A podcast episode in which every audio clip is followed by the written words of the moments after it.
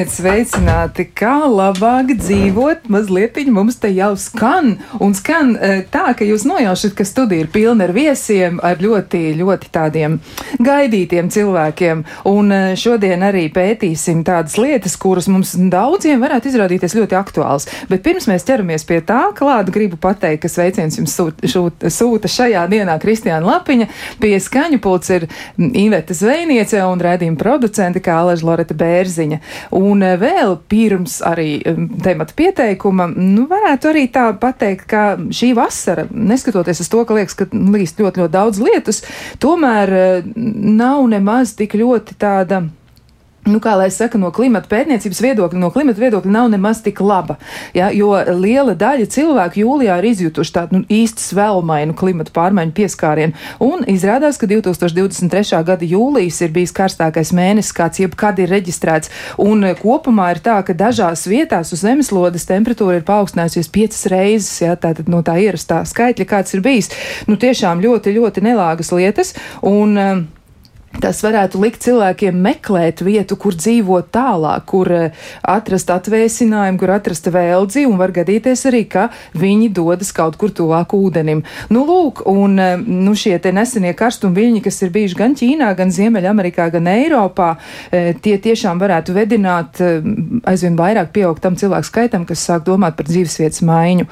Arī Latvijā ir tā, ka ir cilvēki, kuri ir izlēmuši mainīt dzīvesvietu vai arī jau Nu, tā teikt, dzimta jau dzīvo kaut kur pie ūdens, un ūdens ir ļoti, ļoti vilinošs eh, gan tāda nu, substance kā tāda, ja, gan arī, protams, eh, pati ainava varētu būt ļoti aicinoša. Un šodien par to arī runāsim, par ūdens malām, par kopienām, par kopienām, kas dzīvo ūdens malās, un arī par kopienu attīstību, un eh, kā tad kopīgiem spēkiem sakārtot un attīstīt Latvijas piekrastes, kas ir patiešām gleznainas. Un te nu ir laiks pieteikt arī viesus. Pie mums ir Sandra Zilberta biedrības ūdens malu attīstībai valdes priekšsēdētājs. Sveicināti! Labdien! Vēl esam aicinājuši arī sarunā piedalīties Evijas Zuti, Lucavas savas kopienu pārstāvi jeb kopienas pārstāv precīzāk. Sveiki. Jo Lucavas kopiena tad ir tāda nu, atsevišķa kopienas daļa, kas varētu teikt arī dzīvot uz savu dzīvi, jo Lucavas sala jau arī ir tāda īpaša vieta. Jā, vēl pie mums ir arī studijā Gatis Pāvils, vidas un plānošanas eksperts. Sveicināt! Labdien! Un vēl esam aicinājuši arī sarunā piedalīties Inesi Kupšāna, Daugavas muzeja direktora. Sveicināt! Labdien! Nu, absolūti brīnišķīga komanda. Man liekas, tiešām mēs varēsim izpētīt to tematu krustām un šķērsām. Un eh, klausītājs arī noteikti aicinām dalīties eh, ar idejām varbūt jums ir kāds secinājumi, varbūt arī kādi jautājumi. Ja? Nu, kā vienmēr mēs gaidām arī jūsu piedalīšanos un tiešām no sirds priecājamies, ka jūs to darāt. Nu, lūk, bet eh, varbūt sāksim no paša sākuma. Ja, nu, ja reiz par tām ūdens malām un kopienu mēs runājam, tad kāpēc vispār būtu svarīgi par to domāt? Un arī varbūt kā ir radusies iniciatīva, ja, jo ir jau tāds mērķis, nu, sekmēt un attīstīt, un tad lūk, redz, kur ir, ja, ūdens malu attīstībai ir vesela tāda organizācija izveidota. Eh, sveicināti, mans vārds ir Sandra Zilberta. Eh, ar prieku pastāstu. 2016. gadā eh, vairāk aktīvisti, kuru bērni aktīvi airēja Lucausalā, un arī vidas speciālisti un sabiedrības līdzdalības speciālisti izlēma, ka vajag savest visas šīs lietas kopā. Jo, ziniet, ko mēs atklājām, ka Latvijā ir diezgan daudz ūdens. Vispār ir gan. Mēs atklājām arī, ka notiek klimata pārmaiņas. Un mēs atklājām, ka iespējams mēs uh, turam un valdām un baudām un rakstām dzēju un gleznojām vienā no skaistākajām un neskartākajām ūdensmalu vietām Eiropā, kas varētu būt mūsu unikālais piedāvājums. Bet, lai mēs spētu to piedāvājumu apzināti un tālāk nest, mums pa priekšu pašiem vajag saprast, kā mēs vēlamies dzīvot pie savām ūdensmalām, kādas prasmes, zināšanas mums ir vajadzīgas, lai mēs spētu dzīvot tur, kāda ir vajadzīga sadarbība ar pašvaldību un kāda ir vajadzīga plānveida attīstība, kas nāktu organiski, gluži loģiski, ja mēs visi kopā ieraudzītu katru savu ūdensmalu. Jā, nu, tāds droši vien tāds statistisks cipars kaut kāds, cik cilvēku, cik iedzīvotāji Latvijā ir apmetušies pie ūdens malām, dzīvo ūdens malās, droši vien mums tāda nav, bet nu, es pieņemu, ka diezgan daudz tomēr no Latvijas iedzīvotājiem dzīvo kādas ūdens tilpnes tūmā. Ja drīkstu minēt, tad lielais pierīgas reģions atrodas trīs lielāko upju grīvā. Grūti pateikt, vai šeit ir kāda vieta pierīgā, kas īsti nav ūdens. Kas nebūtu ūdens mala. Jā, arī mums Latvijas radio mēs arī domājam, ka mēs esam pie ūdens malas. Nu, mēs esam kopienas daļa noteikti. Jā, Tiešām jūs minējāt daudz nozīmīgus iemeslus, kāpēc, bet varbūt ir arī kaut kas tāds, ko jūs esat saskatījuši, nu, kā tādas problēmas, ka jums ir pilnīgi skaidrs, ka jā, tam noteikti ir jānotiek, tas ir jādara, un jūs jau esat daudz arī izdarījuši. Un varbūt arī to var nedaudz iezīmēt, lai, nu, kādam no klausītājiem, kurš jautā, kāpēc īpaši būtu jāpievērš uzmanība tieši tam, nu, lai atbildētu uz šo vēl neuzdoto jautājumu. Ūdensmāls Latvijā šķiet uh, ir uh, viss neatklātākais un slēptākais dārgums. Visiem viņas ir, katrs viens no mums ir pie kādas no tām, un katrs viens no mums ir saskāries ar to problemātiku un īpatno dzīvesveidu, ko dzīve pie ūdensmalas uzliek.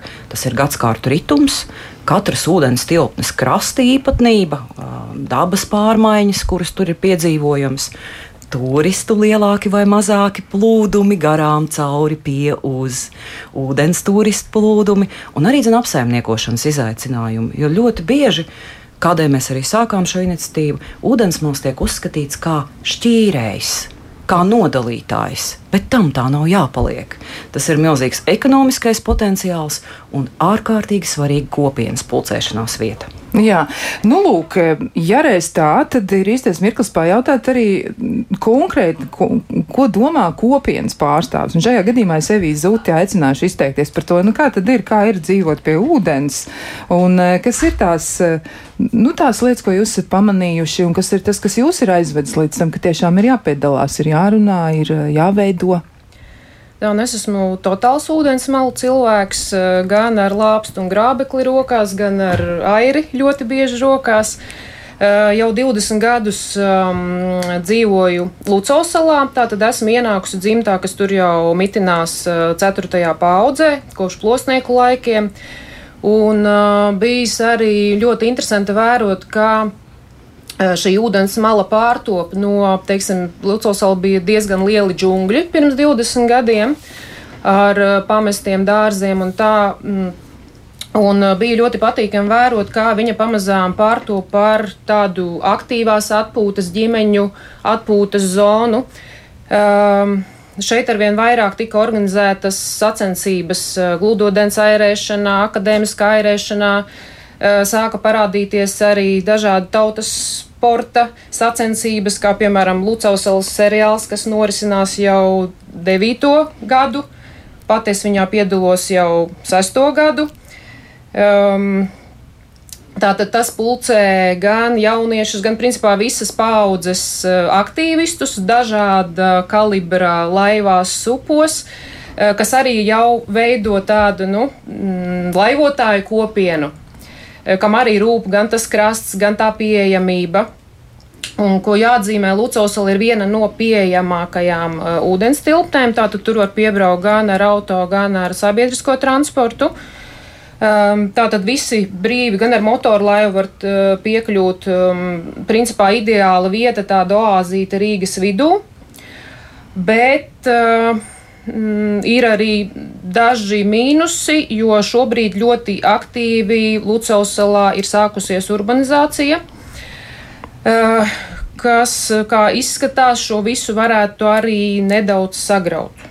Nedaudz tas tā jūs maigi izsakāties eh, nu, šobrīd. Nu, tāpēc, ka mēs nezinām, mēs pat nezinām, kādi ir tie lielie, lielie plāni, bet uh, nu, skumīgi, ja, ja tiešām pirms gada varēja ļoti priecāties, kā cilvēki šo visu izmanto skrituļu, ar brauc ar riteņiem, skrien ar suņiem, pastaigājas, ģimenes vienkārši noklāja sedziņu, atpūšās.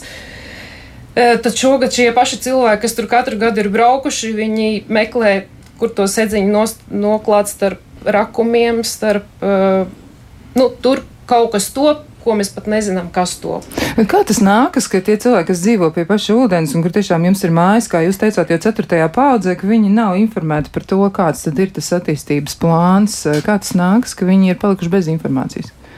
Jā, nu, varbūt nu. kolēģi var tad eh, nu, vidas un plānošanas ekspertiem jautājums Gatim Pāvilam. Jā, nu es nevarēšu te pārstāvēt gan Rīgas domu, jo es pēc uh, normatīvo aktu prasībām, protams, ir publiskās apspriešanas procedūra dažādiem lielākiem būvprojektiem. Kas tieši notiek Lucavas salā šajā sakarā, nu, nemācēšu komentēt, jo tas, tas nu nav Jā. Nav man ikdienas saskara ar šādām lietām. Jā, bet nu, kāds varētu būt risinājums? Tad, eh, kā Lucasovas iedzīvotājiem būtu tomēr vairāk informētiem par to, kāds ir plāns? Jo varbūt vienā brīdī cilvēks saka, nu nē, es vairs negribu tur dzīvot, jo tur ir pārāk daudz to citu cilvēku, kas nāk ar tām savām sedziņām. Mm, ja godīgi, tas pat netraucēja. Sāka traucēt tie, kad iebrauca ekskavātori un sāka iznīcināt kokus, esošo vienīgo ceļu. Sāka traucēt tas, un, ja godīgi, to, ko jūs minējāt, tā doma, ka es te vairs negribu dzīvot, sāk piezakties ar vien biežāk. Ja es pagājušajā gadā ļoti lepojos, es visus aicināju uz Lucau salu. Es, es tiešām visiem stāstīju, es liku skaistās bildes, jo tur tiešām ir pasakaina ainava, bet man ļoti bieži jau šis vārds sāk parādīties ar bija. Jā, nu runājot par to vidas saglabāšanu, noteikti arī, ja mēs skatāmies nedaudz nu, uz vēstures pusi, un tad negribētu arī asociēt Daugavas muzeju uzreiz atmaskar vēsturi, ja, bet tomēr Inesē Kupšānai gan jau, ka ir viedoklis par to, e, nu, cik ļoti un kā ir mainījusies aina un cik būtiski tas varētu būt, lai saglabātu tomēr tās vietas, kur cilvēki dzīvo, jo, cil, ja, ja cilvēki dzīvo ceturtajā paudzē, ja kādā konkrētā vietā, tad viņi jau ar savu klātbūtni vien rada, nu, daļu no šīs vietas burvības, un pati vieta pastāv pateicoties viņiem. Nu, tas ir viens no Daugavas muzeja galvenajiem stāstiem par šo Daugavas pārmaiņu laiku, visu, kas bija saistīts sākumā ar, protams, ar Hesu izbūvi, kur dēļ mainījās ainava krasi, drastiski pat varētu teikt. Tad šajā brīdī, kad mēs redzam, ka mainās vēl pašā, dažas atlikušās nemainītās daļas, tas, protams, ir mazliet tā jāskatās ļoti uzmanīgi, un tas ir mazliet sāpīgi. Man pašai arī Lucavs ir ļoti mīļa vieta, un, um, un uh, mēs kā muzejs atrodas uz Dolas salas, kur mēs redzam, kas notiek, kad uh, sāk mazliet saplūst kopā šīs senās saimniecības ar uh, jauno apbūvi. Uh, tad um, ir tas jautājums par to, kurā brīdī no tādas varbūt publiskās telpas tā kļūst par tādu ļoti noslēgtu, nepieejamu vietu, kas vairs nepiedara varbūt sabiedrībai tik ļoti. Um, bet um, tādā lielā kultūra vēsturiskā griezumā, protams, kad uh, ūdenim vajag iedzīvotājs, ūdenim vajag um, cilvēks, kas uh, izmanto to. Un, um, uh, jebkurā gadījumā Daugava un um, visās tās garumā ir tāda upe, kuru, kura vēsturiski ir gājusi cauri principā visiem attīstības posmiem, cilvēku, cilvēku attīstības, cilvēces attīstības posmiem Latvijas teritorijā, tieši ar šo izmantošanas lomu. Ar transporta ceļiem, ar šķērsošanu, ar apdzīvošanu, ar daudz kā barotāju, pieņemsim, un tam līdzīgi. Un, um, to vajag jebkurā gadījumā kaut kādā veidā turpināt saglabāt. Un saglabāt arī šo katras vietas to būtību, to kaut kādu. Nu, pieņemsim, Lucavsā, kas mūžīgi ir bijusi šī tāda sava veida plosnieki un dārziņi, tāda teritorija, to pēkšņi pārveidot par tādu urbānu pilsētas centru, tas, tas noteikti daudz ko mainīs, kā tas līdzīgi mainīja, pieņemsim, tai pašā Zaķu salā kāda plāna bija ar ķīpsalu kādā brīdī, kas, paldies Dievam, mazliet nobremzēja. Um, Un um, iedomāsimies, kad Dolas salā kādā brīdī sāka dabas parka centrā sāk celt uh, daudzstāvu mājas. Kā, kā tas, ko tas dod ainavai, ko tas dod kultūra vēsturiskajai um, tādai varbūt jēgai un, un mums pašiem par to. Jā, par to noteikti ir jādomā. Jūs arī esat iesaistīti, nu, jūs kā speciālisti esat iesaistīti, piemēram, vidas plānošanas jautājumos. Jums eh, ļauj runāt par to, kā jūs eh, domājat, ko jūs tur eh, saredzat, kādus iespējamos riskus, jo nav jau runa tikai par Daugavu, runa ir arī par, par, par mazo juglu, es nezinu, lielo juglu, par, par gauju, par jūru. Nu, tur taču ir daudz, daudz vietas. Mm. Jā, kā ir? Pavisam īsi, um, tāpēc mēs arī sākām šo iniciatīvu. Jo mums ir faktors, kas visam ir raksturīgs Latvijā, tā ir ūdens mala. Mums ir status ūdens malām, kas ir diezgan raksturīgs visur Latvijā. Tās ir slēgtas un nav atvērtas, un mums ir šī lielā vēlme izmantot un vairs neredzēt tās kā šķīrēju, bet kā potenciālu. Tas sevi ietver arī sadarbību ar pašvaldību. Pašvaldības ieradumu konsultēties, cienīt, vērtēt cilvēku ieguldījumu, to kopienu ieguldījumu, kuri dzīvo pie ūdens malām. Jā, e, nu kā tad ir ar pašvaldībām, ar pašvaldību teiksim, pārstāvjiem, kādas ir sarunas, vai, piemēram, Lucavas salas kopienas pārstāvjiem ir izdevies, nu, tātad jūs teicāt, jūs ne, nezināt nākotnes plānus, būtu labi tomēr, nu, droši vien kāds, kaut kādām sarunām būtu jānotiek, lai jūs varētu arī paši izlemt, ko tad jūs darāt un ko nē. Bet kā tad ir ar pašvaldību šī sadarbība? Vai tā ir pietiekama, vai būtu jūs arī redzat kaut kāds tāds trūkums, kurš būtu jārisina? Kāds uh, problēmas? Arvien biežāk. Um, uh, Lucavas jautājumos iesaistās un uh, tiek dibinātas jaunas biedrības, jo mazdārziņi ļoti cīnās arī par savu palikšanu Lucavas salā. Uh, un tā tad uh, šīs biedrības pārstāvi ir, uh, manuprāt, divreiz ir aicinājuši Rīgas domas pārstāvis uz, uz kopienu sarunām.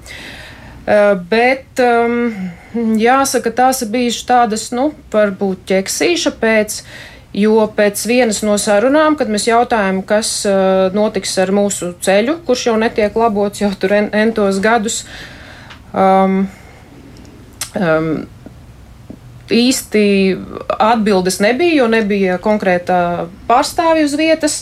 Un jau nākošajā dienā iebrauca traktori, bultozeri un sāka vienkārši kaut ko darīt. darīt. Tad mēs meklējām internetā tā pati. Mm, Eh, Lucausols eko kopiena vērsās, eh, meklējām un atradām plānus, kad ir 17. gadā jau eh, ceļu izbūves plāni, kas vienkārši pēkšņi tika re realizēti. Bet neviens jau nepajautāja, vai mums to vajag. Varbūt būtu liederīgi bijis atbraukt, paskatīties, kas tad īsti Lucausalā notiek. Uh, nu, redzēt, ka tur ir atpūtas zona, ka tur ir tiešām nu, zaļā oāzīte Rīgas vidū, tie, kas cilvēkiem tur ir nepieciešams. es uzskatu, ka tur bija vairāk nepieciešams vēl kāda mm, labierīcības, piemēram, Daugavas malā, soliņš kāds. Uh, jo, jo, piemēram, Arī absurds ir tas, notiek sacensības, kaut vai tikko bija vēl pat nesen Latvijas Republikas čempionāts sup, supošanā. Uh, Uh, nav labierīcība. Cilvēki atbrauc uz sacensībām, viņiem nu, nu, tas ir absurdi. Tas ir absurdi patiesi. Jā, bet eh, nu, jūs tātad ļoti, ļoti spilgti iezīmējat to problēmu, kas droši vien nav tikai jūsējā, viena, otra, trešā, bet tā varētu attiekties arī uz citiem ūdens malu iedzīvotājiem. E, vispār kā veicas ar to citu cilvēku iesaistīšanu? Cik aktīva ir kustība Latvijā kopumā? E, cik jums ir izdevies izveidot kontaktus un vai var iesaistīties šajā kustībā arī kādi citi cilvēki, kur, piemēram, dzīvo pavisam citā Latvijas reģionā? Nu, kā mums latviešiem iet ar to sadarbību? Uz kopīgu lietu, nu, kā mums latviešiem iet ar to savstarpējo sarunāšanos. Es teiktu, tas ir process, bet mēs esam gatavi lēnām un mierīgi šo lietu kustināt uz priekšu. Jā. Šobrīd Čekavas novadā astoņas uh, kopienas ir tās, kas ir pateikušas, ka jā, viņus interesē uh, sadarbība uh, ūdensmalu attīstībā. Un uh, aicinu arī uz www.ūdensmalas LV. Mūsu partneris Rīgas plānošanas reģions tur ir publiskojis attīstības stratēģiju 2050. Un uzminiet, kas tur ir. Ūdensmals ir viens no unikālajiem piedāvājumiem Pierīgas reģionā, bet par to sīkāk zinās teikt Gatis. Jā, nu tad arī jautāsim eh, Gatim Pāvilam, kā tad tur būs, bet noteikti arī neaizmirstam ja, par to, ka ir iespēja pieteikties, ir iespēja aktivizēties un ūdensmalas.lv gaida jūs, paskatieties, kas tur notiek un iesaistieties, ja, jo man liekas, ka nu, Sandra Zilberta, viņa, viņa tā acis mirdz jau un, un viņa ir tik smaidīga un ieinteresēta. Es domāju, ka viņa ļoti, ļoti gaida, ka pieteiksies arī citi cilvēki un būs aktīvi aktīvi, jo Latvijā ūdens malu tiešām nu, grūti tur aptvert vispār, cik tie varētu būt kilometri teritorijas, kvadrātkilometri, nu, milzīgs, milzīgs daudzums teritorijas. Nu, lūk, bet atgriežoties pie šīs plānošanas, jā, jā. kā tad ir? Tā, nu tad uh, sākam ar to, ka ūdens malas, protams, ir visā Latvijā. Tās ir Rīgā, Un, un, un Rīga apbrīnojamā kārtā ir izvairījusies no viņām lielā mērā. Jebkas attīstās, izņemot ūden, ūdens malas kopumā, ņemot Rīgā, bet nu, nu, ar ļoti retiem jaukiem izņēmumiem. Uh, ir pie Rīga, protams, un ir, protams, pārējā Latvija. Un visur viņas ir ļoti daudz, un visur ar, ar saistībā ar ūdens malām ir tāda savāda situācija, ka viņas ir, kaut kur viņas tiek attīstītas vairāk vai mazāk, teiksim, pierīgā. Tieši pieminējām iepriekš savā starpā runājoties, Ikšķili varbūt ir pat relatīvi labāks piemērs salīdzinot ar citām pašvaldībām, citām apdzīvotajām vietām. Tātad pierīgi, kas notiek ar pierīgi vispār pēdējās desmitgadēs, strauji, strauji mainās, jo ir vietējie iedzīvotāji, kas sen jau ir dzīvojuši pierīgas dažādās apdzīvotajās vietās un ir jaunienācēji lielā skaitā no pārējās Latvijas arī no Rīgas. Cilvēku tas dzīves modelis mainās. Mums ir tāds rakstīns publicēts, un, piemēram, ja mēs skatāmies limuzīnu Jāņakas krāsā, tur tāda klasiskā latviešu ģimene, kāda tā bija 80. gadu sākumā, kurā laukos ir vecākā paudze, jaunākās paudzes jau ir Rīgā. Mūsdienās vairs tā nav pamazām. Nu, protams, daļai tā vēl ir, bet lielai daļai vairs tā nav. Vecākā paudze dzīvo Rīgas dzīvoklī, jaunākā paudze bieži vien ir pierīgā. Un, un, un vēl jaunākā paudze mācās ārvalstīs, piemēram. Tā kā tas modelis ir mainījies, jo ja mēs joprojām skatāmies uz, uz to pagātni, skatoties šīs vecās filmas un, un atceroties jaunībai, kā tagad jau ir citi laiki. Tātad pierīgi mainīsies, pierīgā liels skaits jaunienācēju, bet vienlaikus lielākā daļa jaunienācēju, nu, viņi to ūdens malu nemaz nemana, jo visbiežāk to nodala ceļš.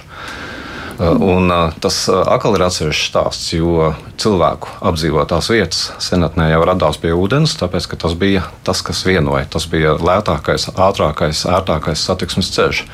Nu, tagad mūsdienās ēr, ērtākais ir braukt ar auto, nu, tad uzbūvē starp šīm apdzīvotām vietām ceļu. Tā nu sanāk, viņš iegar ūdeņiem un nodala jau izaugušo apdzīvoto vietu nost no ūdens. Tā tas ir noticis Sauspilī, tāds ir noticis Ķekavā lielā mērā ķegumā un tā tālāk. Tā kā liela daļa pierīgas apdzīvoto vietu it kā ir pie ūdens, bet nemaz jau tā ikdienā to neredz. Jā, bet arī par citām vietām, jo klausītāji tā arī raksta, ja, nu, ka izklausās, ka nekopts piesārņots ūdens mals ir tas, kas tuvāk lielām pilsētām, un mums te Latgalē ir tīrs un kluss, protams, viņš nesaka, kur viņš dzīvo, viņš tā arī ir uzrakstījis, neteikšu, kur dzīvo, citādi rīdzinieki būs klāt, ja Latgalīts mums ir uzrakstījis, viņš mēģina saudzēt savu, savu ūdens, ūdens malu. Nu, un vēl ir arī tā, ka viens no klausītājiem raksta, ka Lucavs vēl ir viens mazs sakopts stūrīts vienu māju, ar vienu māju un milzīgi miskasti apkārt, ja, un es ļoti priecājos, ka beigās tur tomēr uzsāks buldozeri, nu, rekur cilvēkam no malas skatoties, nu, var jau būt arī, ka viņš ir ir eh, nu, ciešās attiecībās ar Lucālu salu, kas to lai zina, to mums klausītājs nav uzrakstījis. Bet eh, kā tad ir tieši ar šo sakopšanas jautājumu? Varbūt par to mēs arī varam mazliet parunāt, jo sakopt varbūt kādam gribas, bet iespējams, ka tur ir vesels lērums visādi, nu, piemēram, normatīvie akti, ja, kas ir, vai ienācējiem ir cits viedoklis nekā tiem cilvēkiem, kas tur dzīvo. Viņi ir pieraduši pie saviem kārkliem un pie saviem mm, apstādījumiem, ja pie kaut kādām citām lietām un vietām, kas tur ir, un tagad atnāk kādi citi cilvēki un saka, nē, mēs tagad gribam šeit pludmali ierīkot, piemēram? Sākšu es un vēlāk lūkšu Gatim papildināt. Um, uh, ir jāsaprot, tas ir, un tas arī ir process, ka ūdensmals nepiedara tikai tam vienam cilvēkam, kurš sēta robežojas ar ūdensmalu. Bet dažreiz viņi tā domā. Bet patiesība ir cita. Un tas lēnām mainās. Un, uh, mēs gribam bagātināt uh, Latvijas iedzīvotājus ar zināšanām un jaunu skatu punktu, lai viņi saprastu, ka tas nemaz nav slikti. Un mēs gribam bagātināt pašvaldības ar zināšanām, sadarbības un līdzdalības praksi un, un skatu punktu, kas parāda, ka tas nemaz nav slikti. Ir jāsadarbojas. Un ka patiesībā tāda norobežošanās ir tā, kas rada šo pretestību, nevēlēšanos uh, sakopt, uh, neplānošanu, neiekļaušanu pašvaldības budžetos un dažādus šādus sīkumainus kašķus. Un ņemot vērā, cik daudz mums ir ūdens malu Latvijā, vai mums tik daudz tos kašķus vajag. Protams, ir bailes un bažas par to, kas notiks, ja ūdensmāla atvērs. Bet mūsu pieredze Čakavas novadā nu jau kopš 2016. gada biedrībai darbojoties ir, ka tad, kad tā ūdensmāla sakopta un atvērta, un skaidri kopā būšanas noteikumi šajā ūdensmalā ir pateikti, nu, ir ļoti pavisam mazs procents cilvēku, kuriem ir šī iekšējā vajadzība tomēr visu šmulēt. Un sadarbojoties ar pašvaldību, ir iespējams izdarīt tā, lai arī pašvaldība palīdzētu pie ūdens dzīvojušajām kopienām to kopt. Un runājot par jaunienācējiem, Gati, kā tev šķiet, nu, mums ķekavas novadā tie, kas ir jaunienācēji, pretēji tiem, kas tur dzīvo jau gariem gadiem, ir tie aktīvākie darītāji. Tiem visvairāk vajag tās labās pārmaiņas. Kāda tendence pierīgā? Jā, bet tas jau, man liekas, cilvēku dabai raksturīgi. Tie, kas senāk dzīvo Un, un, un tagad brīdī tā, tā bažīgi pastāv Zutskundze. Uh, viņiem vairāk bail no izmaiņām bieži vien ir. Uh, bet uh, šeit ir stāsts par to, ka jebkuras pārmaiņas ir jāizdiskutē. Tas atkal ir stāsts par to pašu Lucausu salu, jo pārmaiņas ir normāli. Cilvēks, cilvēks visu laiku ko maina, dara, rosās, kaut kas tiek uzbūvēts, kaut kas pamazām tiek aizmirsts un tā tālāk. Visu laiku šādas pārmaiņas notiek. Uh, jā, tā ir, ka jaunienācējs varētu būt ar savu enerģijas lādiņu, pierīgā bieži vien iet tādi turīgāki ļaudis, kas pēc dabas arī ir, ir rosīgāki, it visās savās izpausmēs, viņiem arī gribas kaut ko darīt. Vienai daļai patīk uzbūvēt žogu līdz ūdenim un vēl bišķi iekšā un nevienu nelaist. Citai makal ļoti patīk iet pārējiem runāties un, un kaut kādas sabiedriskas lietas risināt. Cilvēki ir dažādi, bet jā, viņi ir bieži vien rosīgāki. Jā, bet par to nelaišanu, diemžēl, tā nevar rīkoties. Ja ir pilnīgi skaidrs, ka ir nu, tādas lielas upes, un šajā gadījumā mēs tiešām varam runāt piemēram par Daugavu, ja nu tavs joslu neviens tur nav atcēlis, ja, un tādas darbības, nu, patiesībā ir nepieļaujams. Ja. Cilvēks nevar tā vienkārši iestumt savu privātu īpašumu līdz pusupei. Mūsu biedrības mājaslapā www.ūdensmals.lv ir sadaļa noderīgi. Un tur var atrast uh, dokumentāciju, kas ir šobrīd spēkā, un arī neliela analīze par to, kādi ir normatīvie akti, kas regulē ūdensmalu attīstību. No normatīvo aktu viedokļa Latvijā viss ir kārtībā. Tas bēdu trīsstūris sākas brīdī, kad pašva, pašvaldības un to būvvaldes sāk interpretēt šo lietu. Un pieiet aptuveni no šāda formāta. Man pašam tur ir māja, es negribu, lai tur kaut kas notiek bet nepaskatās uz šo jautājumu plašāk, kā tas būtu piekritīgi pārstāvot visu iedzīvotāju intereses. Kāpēc mēs uzskatām, ka tā diskusija ar kopienu ir ārkārtīgi svarīga? Jo diskusijā mācās visi. Tie, kas virza ideju, kopiena, kas dzīvo pie ūdensmalā, un arī pašvaldība mācās līdzdalību. Jā, nu tā izskatās, ka būtu arī jāturpina tāda relatīvi nesena iniciatīva, bet tomēr visiem mums ārkārtīgi nozīmīga. Nu, ko turpināsim sarunu par šo visu, bet to mēs darīsim pēc īsa brīža. Kā labāk dzīvot? Turpinām sarunu par to, kā notiek mūsu dzīve tepat pie mūsu pašu ūdeņiem, gan pie Daugavas, gan pie jūras. Mēs tik daudz esam paši to apdziedājuši un ik pa brītiņam pieminām, bet tomēr, nu kā tad mums te dzīve notiek, būtu vērts pašiem arī saprast, un iespējams, ka mums ir nepieciešams arī kādas pārmaiņas. Par to arī šodien runājam. Runājam par ūdens malām, par ūdens malu attīstību un par to, kā kopienai klājas e, dzīvojot tieši pie nu, kādas no šīm te upēm vai arī kādas citas ūdens tilpnes. Bet vai tiešām mēs zinām visu? Visu, nu, es gribētu šajā brīdī vērsties pie Daugavas muzeja direktors Ines Kupšāns. E, jums noteikti ir ziņas par to, kā kopienas ir dzīvojušas un kā tā kopiena dzīve ir attīstījusies. Un varbūt jūs varat iedot mums tādu, nu, tādu e, nelielu ieskatu tajā, cik vērtīgi ir par to zināt, un varbūt jums ir arī, nu, tāda nu, informācija par to, kā tas ir bijis. Ja? Nu, gan nedaudz ar tādu mm, vēsturisku aspektu, gan arī nu, skatoties uz mūsdienām. Tā nu, sanāca, ka viena no Dāngājas muzeja vēsturiskajām tādām misijām pašās, pašos pirmsākumos, kas bija sākot ar nu, 60, 70, gadi, 80, izteiktāk visvairāk, bija vēlme veikt gājienus, braucienus uz dažādiem reģioniem, principā sākot no pašas piedrujas līdz pat ietekai jūrā kur katru gadu vasaras periodā Daugos muzeja speciālisti brauca, ap, apmeklēja visilgāk dzīvojošās kopienas Daugos krastos, meklēja cilvēkus, kuru ikdiena ir visvairāk saistīta ar Daugau, tie ir bijuši zvejnieki, tie ir bijuši plosnieki un uh, viņu dzimtas un ģimenes. Un uh, intervējuši viņus, jautājuši par visiem, visām šīm lietām un mēģinājuši arī rast to uh, daugoviešu, varbūt tā attēlu, tādu portretu savu veidu. Un, um, Un tas portrets ir uh, specifisks, tāpēc, ka no vienas puses tā Daugava ir pats centrālais objekts viņu dzīvēs. Jebkurš uh, cilvēks, jebkura dzimta, kas dzīvo, es pat teiktu, divu kilometru attālumā no, no upes centra uz abām pusēm, um, viņam galvenais objekts viņa dzīvē ir tā upe. Uh, tā ir bijis vēsturiski un, um, un tā ir arī tagad.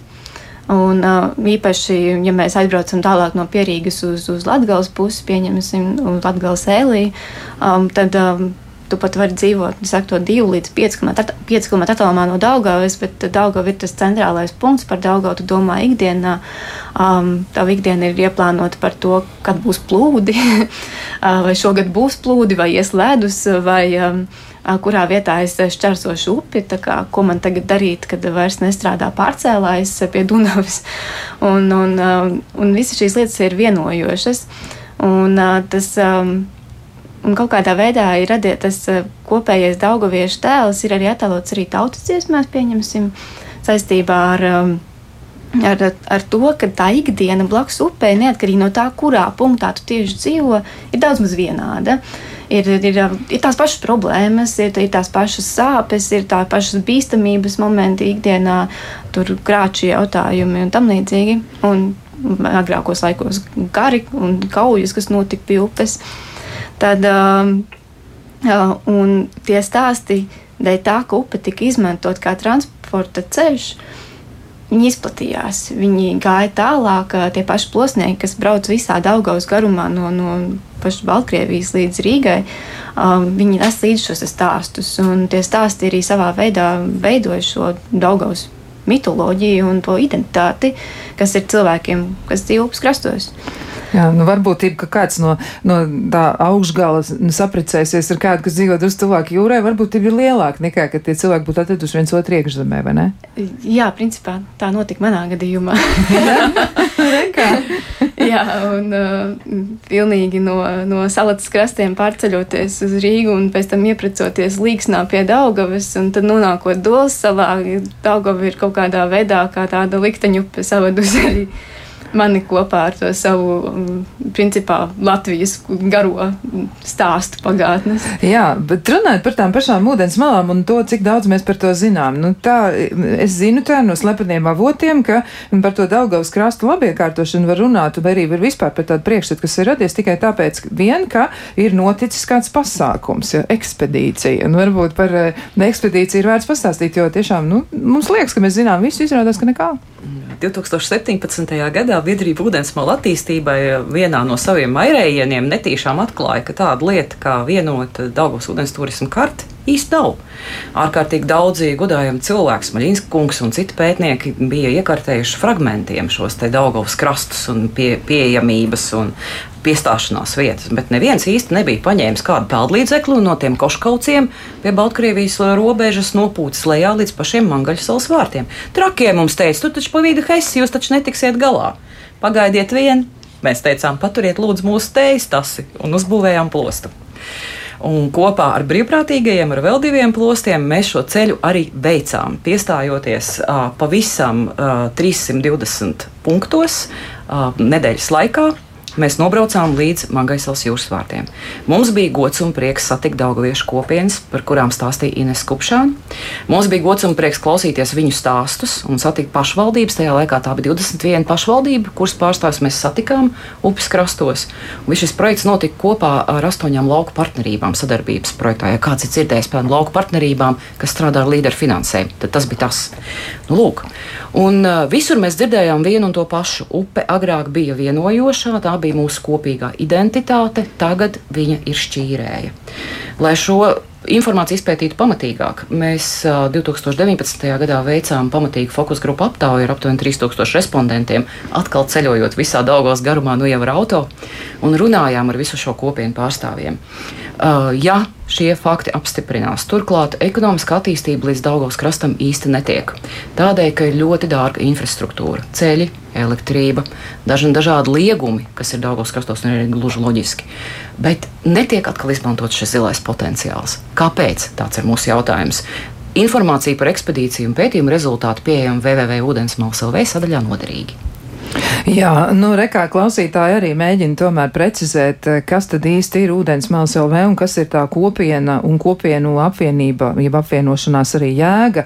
Jā, jo, nu, tas nav brīvā laika pavadīšanas pulciņš, rekā klausītājs jautā, vai tas tā ir, jo tas tiešām ir par kopienu attīstīšanos, un tas ir ārkārtīgi nopietnas process. Varbūt jūs varat uzsvērt arī tieši to būtisko daļu, nu, piemēram, um, kā, nu, kā piemēram var izmantot normatīvu aktu pārstrādi, plānošanu, jā, tur vēl kaut kādas citas lietas, un kas ir svarīgas tiem cilvēkiem, kas tiešām dzīvo pie ūdens, jo tur ir ļoti daudz dažādu aspektu, kas ir jāņem vērā. Tas nav tā, es vienkārši gribu māju pie upes, ja? tas nozīmē pilnīgi dzīves veida izmaiņu klausītājiem ir liela taisnība. Un paldies par šo ļoti precīzo konstatāciju, jo tik tiešām visdziļākās sarunas gan ar pašvaldību vadītājiem, gan ar uh, pašvaldību darbiniekiem, gan ar kopienām mums notiek tad, kad mēs esam ar lāpstu un grābekli ūdensmoku krastos vai arī airējam.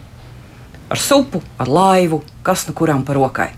Un šeit jums ir pilnīga taisnība. Otra lieta ir, ja mēs redzam resursu valstī, kas netiek pagaidām attīstīts plānveidā, un šīs ir ūdensmalas. Ja mēs redzam, visā valstī šobrīd aktivizējamies kopienu līdzdalības procesus. Nu jau pāris gadus cilvēki grib zināt, kas viņu vietā notiks. Viņi grib zināt, kāda ir prognozējamība, viņi grib ciešāku sadarbību ar pašvaldību, un vēl vairāk viņi grib pateikt, kā publiskā nauda virzīsies viņa novadā. Īpaši tagad pēc novada reformas, kur mums nu ir lielāks plānojums, bet cilvēki ir sapratuši, ka viņu balsīm ir jābūt skaļākām, viņi, ja viņi grib, lai kaut kas notiek. Un tas ir labi un pareizi.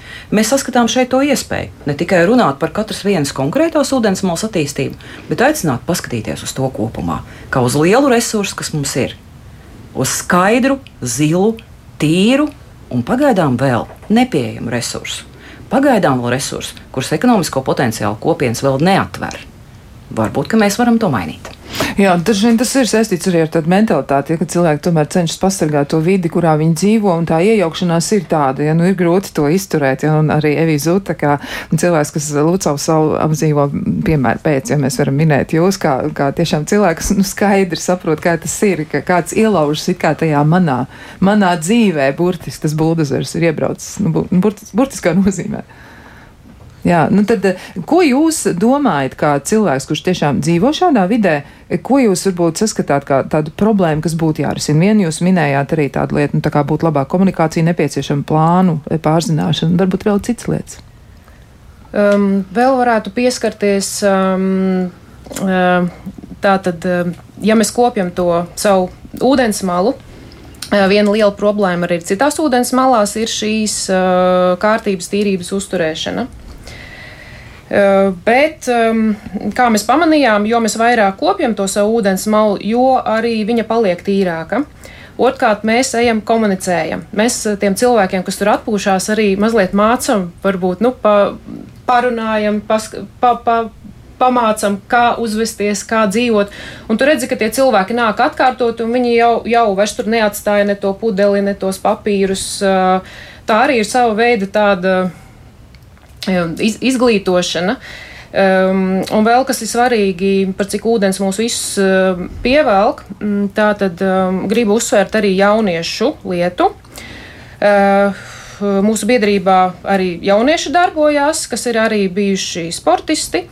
Uh, un es redzu, kā viņi arī citus jauniešus iesaista gan tajā pašā makšķerēšanā, tā, uh, iziet ar supiem, uh, dzīvojis pie tās ūdens malas. Tātad nu, es to arī uzskatu kā tādu jēgpilnu brīvā laika pavadīšanu, eh, ka tas arī māca, izglīto. Eh, nu, Varbūt mēs to arī esam rādījuši ar savu piemēru, bet nu, tām ūdensmalām ir milzīga loma jebkura cilvēka dzīvēm. Mēs Jā. to arī noteikti esam rādījuši uz savu piemēru, jo arī ar revijas palīdzību un viņas, viņas ģimenes atbalstu ķekavas nodā ir iekops divas ūdensmalas gluži no nulles.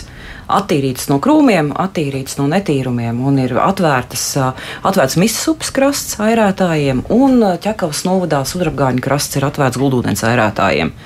Un biedrība pats saviem spēkiem šīs ūdens mums ir sakopjusi un attīstījuši. Mēs to esam piesaistot līderfinansējumu. Tā kā no tā nevar baidīties, nevajag baidīties. Ņemiet droši finansējumu, attīstiet ūdens malas. Nav tik traki, nu ir jāpaceļ tā glāze, bet nu, tāpat jau viņas gadās ūdens malā.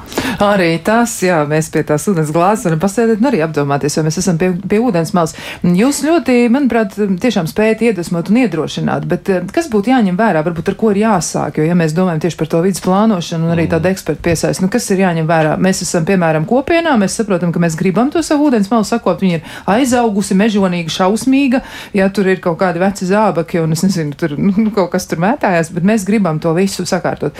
Ar ko mums ir jāsāk? Jārēķinās? Nu tā, tev īstenībā ļoti, ļoti interesanta tēma, kurā pēdējos, pēdējo dažu gadu laikā ir pilnīgi mainījusies pateicoties izmaiņām arī normatīvajos aktos. Tātad pirmais ir par šīm kopienām. Ir ļoti, ļoti vēlams tiešām šādas kopienas veidot tiešām iet kopā, meklēt dombiedrus, veidot tās. Jo ir mainījies nu, pašvaldību likums ir jauns likums, un tajā ir iestrādāts, ka pirmkārt šādas kopienas tiek atbalstītas un sekmētas. Tam ir savs stāsts aizmugurē arī, jo pašvaldības, kā mēs visi to zinām, Latvijā tagad ir kļuvušas lielākas. Tas ir process, kas notiek visur pasaulē. Un kļūstot viņām lielākām, viņām ir grūtāk sasniegt katru individuālu iedzīvotāju. Un šeit, ja agrāk bija maziņie pagastiņi, kur katrs viens otru gandrīz zināja, tad tagad nu, pagastu vietā pamazām nāk šīs kopienas, kas, protams, jau ir pilnīgi kaut kas cits nekā bijušie pagasti. Uh, otrs ir tas, ka ir paredzēts, ka nākotnē pašvaldībai daļa no budžeta tiek dalīta caur šīm kopienām. Šīs kopienas varēs pieteikties, uh, to sauc par līdzbudžetēšanu. Un, ja šeit kopiena sāk ar ūdensmalu, kas ir absolūti iespējams viens no pirmajām lietām, ar ko vispār var sākt savas darbības, piesakām ūdensmalas sakopšanu, piesakām to, ka tur parādās soliņš, piesakām to, ka Galu galā tiek pasaukts biologs, kurš pirms tam paskatās, vai tur nav retās sugas vai vispār kāds tur var cirst, ja labāk kādu vietiņu neaiztiekam. Uh, šim principā būs pieejams finansējums, bet par to ir pašiem jāpacīnās, veidojot šīs kopienas un ejot pie pašvaldības vadības un stāstot. Mums te ir plāni, mēs te kaut ko gribam darīt. Uh, te ir likums, likumā paredzēts, ka mums te būs līdzbudžetēšanai finansējums. Nu, lūdzu, dodiet! Jā, mums ir vēl viens tāds skeptiskais klausītājs. Dzīvoja Gaujas krastā. Mēs ar kaimiņiem savu ūdens malu uzturam tīru arī bez visām biedrībām, kas ir labi. Mums par to milzīgs prieks. Viņš raksta tā, ja iegāja jūsu mājaslapā, nu skaidrs, ja konsultācijas, un to viņš tur raksta, ka tur kaut kāda naudiņa ir jāmaksā par to. Vai tā tiešām ir? Es ar prieku šo komentēšu. Paldies par trāpīgo aci. Mājaslapā, kuru, kuras pārveidi par portālu ir atbalstījis aktīvo iedzīvotāju fonds, un paldies finansētājiem, ka viņš uzticējās. Mēs esam iestrādājuši šo te uh, iespēju mums ziedot. Un esam arī atklāti pateikuši, ka mēs esam gatavi dažādām sadarbībām ūdensmulu attīstībai, kas iesaista naudu. Par biedrībām kopā jautrāk, par naudu. Visi gan attīstītāji, gan biedrības, gan tie, kam biedrības nevajag spieto tur, kur ir finansējums. Tomēr arī citreiz 10 eiro idejas atbalstam nozīmē vairāk, lai mēs uzrakstītu kādu projektu, lai mēs uztaisītu kādu fotosesiju, lai mēs iekārtētu jaunu ūdensmalu. Un tas nozīmē vairāk, ja jūs sniedzat atbalstu, kas ir vēl svarīgāk par naudu. Ir jāizvairās no tās domas, ka NVO strādā par velti. Jo tas posms ir beidzies sabiedrības daļa ir NVO, un sabiedrības atbalsts tiem ir vajadzīgs ļoti. Jā, nu pati kopiena virza pati sevi uztur, jā, nu tāda ļoti būtiska doma. Nu, re, kā arī klausītāji vēl par savu pieredzi runā. Mm, tātad eh, viens no klausītājiem dzīvo pie ezera, ieguldīja daudz darbu un līdzekļu, lai ierīkotu sev atpūtas vietu galu. Mm, nu, tad gal galā, jā, ar ģimeni un ciemiņiem brīvdienās netieku klāt un nevar savā nodabā atpūsties, jo katrs domā, ka ir tiesīgs apmesties manā vietā bez atļaujas, jā. Un viņš raksta, ka tauvas josla ir tam, lai varētu pārvietoties, nevis lai apmestos un celtu telts, kur iedomājas, jā. Un tam viņš saka, ir paspaldība publiskās peldētavas un vietas, kur ir turisma biznesa. Un vēl viņš atzīmē, ka visgudrākie ir tie, kuriem nav īpašums pie ūdens. Nu, man tā liekas, ka tur tomēr tie normatīvie akti nu, neko nevar izdarīt. Ja, nu, ja tas ir valsts nozīmes eh, ūdens, eh, ūdens klajums, nu, tur nāksies ar tavas joslu rēķinu. Tavas joslu klausītājiem taisnība par ūdens malu teikšu tā godātais, goja godātā 20 gadus dzīvoja Misas upes krastā. Tajā vietā, kad es ienācu, bija milzīga bedra, kur vietējā ciematiņa cilvēki meta savus miskastus un tur dzīvoja žurkas. Tagad tur ir labi iekārtots vingrošanas laukums, kas ir viens no retajiem galamērķiem, kur visu vietējo ciematiņu cilvēkiem sapulcēties un iedzert kādu tās tējas noimai. Arī dzen, tā ir vienīgā vieta, kur uh, tehniskas uh, noplūdes gadījumā, kaitīgu vielu ieplūšanas gadījumā misā var piebraukt ugunsdzēsēji. Par šo lūdzu nevajag aizmirst, kādai tā pieejamība ir svarīga. Ja jums ir nozīmīgi, ka jūsu ūdensmalu apmeklējošie cilvēki paprasa jums atļauju, lūdzu noziedojiet 10 eiro un uztaisiet plakātiņu, kur jūs norādat savu, savus kopienas telefonu vai informatīvo tālu, pa kuru var piezvanīt un pavaicāt jums šo atļauju. Un es teiktu tā, nu, dzīvē daudzas lietas notiek tad, ja ir laipnība un cieņa vienam pret otru. Iesaku šo resursu izmantot. Jā, bet vēl man gribētos arī tuvoties raidījuma noslēgumam, tomēr pajautāt par to, nu, ar ko vēl tad būtu jārēķinās. Tiešām konkrēti runājot, tāda praktiska lieta, ja tiešām cilvēks izvēlas kļūt par uh, ūdens malas kopienas pārstāvi, viņš gribētu tur dzīvot, vai viņam tomēr būtu jādomā jau uz priekšu par to, ka tur būs kaut kādi vidas uh, liegumi, ierobežojumi, būs ar to jārēķinās. Nu, nebūs tik vienkārši, nebūs tā, ka man būs tikai skats, skats uz upi, piemēram. Nu, uh, te varbūt pats pirmais tāds fundamentālais uh, nosacījums ir tas, ka, ja jums kā privāti īpašniekam pieder uh, īpašums, kas atrodas ūdens malā, ir forši, jums ir skats pa logu, iespējams, jums ir brīnišķīga ikdiena blakus ūdenim, bet no otras puses tā ir arī atbildība. Uh, jo nu, Latvija mums kopīgi visiem. Uh, nav tā, ka paņemot sev vietu, tu esi paņēmis viņu tā, ka nu, tas viss, tas ir mans rezervāts, uh, neviens te nenāks šaušnos. Kaut kādas, kaut kādas publiskās tiesības saglabājas, un tās Latvijā likums lieliski arī nosaka. Šis ir stāsts par tālos joslu. Jā, gadās, ka piesāņo, jā, gadās, ka neforši uzvedas, bet uh, to visu var kārtot. Tas viss ir kārtojams, bet ar to jārēķinās, ka šādas situācijas var sanākt. Un ka nāksies gan kārtot, gan arī savreiz pašvaldības policija pasaukt, lai kaut kādu kārtību tur ievieš. No praktiskās puses, ja cilvēks vēlas dzīvot ūdensmalā, pirmā lieta, kas būtu jādara, jāaizbrauc uz to vietu. Jāaizbrauc uz to vietu, jāparunā ar cilvēkiem, kas tur jau dzīvo. Jāpaprasa, kāds hidroloģiskais režīms ir ūdensmalai, kā tur iet pavasarī, rudenī, kā tur iet ziemā. Tad ir jāpadomā, vai pietiks resursi, piemēram, šo ūdensmalu kopt un stiprināt, vai pietiks burtiski gribēšanas.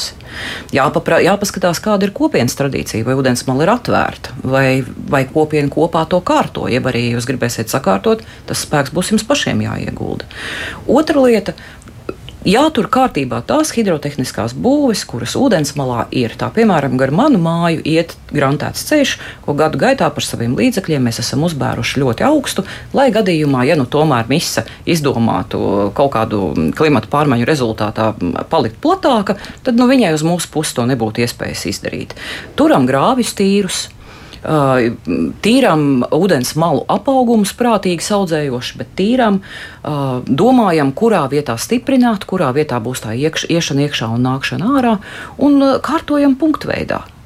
Un pats galvenais - meklējam savu kopienu un meklējam atbalstu pašvaldībā, jo nenoliedzami ūdensmālas uzturēšana ir dārgs prieks, ar to ir jārēķinās.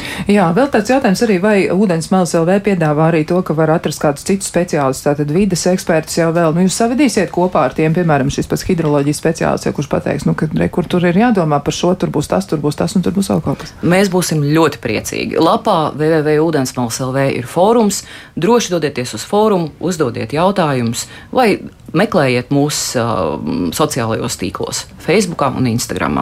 Vaicājiet, atbildēsim. Jā, nu tā tas arī būtu jādara. Nu, te tāda vēl piezīme, ja viss pieder visiem, tad nepieder nevienam, un katrs uzskata, ka var darīt, ko grib, kā grib, ja, un eh, gan jau kāds to visu savāks. Un tad, nu, klausītāji, tāds jautājums, kā tik galā šo, tas, kā viņi raksta padomīs mantojumu. Ja? Nu, droši vien, ka tas arī ir jāmēģina darīt katram pašam.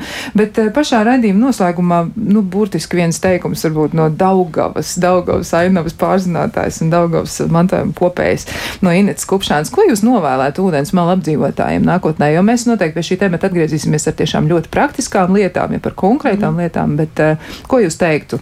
Es domāju, ka pat galvenā lieta, ko novēlēt uh, ūdensmalu gan uh, apdzīvotājiem, gan arī izmantotājiem, ir atcerēties, ka tā ir viena no mūsu galvenajām vērtībām. Tā ir vērtība, kas padara mūs īpašus, uh, kas dod mums daudz ko pretī. Un te tā, ka tā dod mums kaut ko pretī, tad arī attiekties pret to tādā veidā. Nu, cienīt to vietu, kur mēs dzīvojam, būt atbildīgiem pret to un uh, novērtēt un novērtēt. Jā, un es eh, noslēgšu arī to, ko jūs sakāt eh, ar eh, citātu. Viena klausītāja ir atsūtījusi arī tādu ļoti, ļoti būtisku, manuprāt, komentāru, ka šīs dienas raidījums perfekti ataino to, ka pasaulē nekas nestāv uz vietas. Ļoti grūti tikai vecākajai paudzei, kas atceras to, kā bija pēc kara piedzima Rīgā Mūksals, toreiz radiotehnikas ielā. Mēs bērni visu dienu pavadījām uz Daugavas ar slidām, ragavām, slēpēm. Ak, kungs, kā Daugavama ir, pārveid, Daugavama ir pārveidota skaista, bet ne viņas no manas bērnības ūdens malas nu, ko, lai ūdens malas turpina dzīvot un lai tās būtu, nu, tad mums pašiem arī jāiesaistās un par to jārūpējas. Teikšu paldies gan Sandrai Zilbertē, gan Evijai Zutai, gan Gatim Pāvilam, gan arī Inesē Kupšānai. Teikšu paldies arī e, skaņu operatoram, kurš ir atkal parādījies jau pie skaņu puses, bet lāga nesaredz, kurš tas ir. Tā bija Iveta Zvejniece, bet, nu, labi, ja ir spēlētāji maiņa, lai būtu. Loreta Bērziņa arī tepat ir uz vietas, un no jums šajā brīdī atvedās Kristiāna Lapiņa.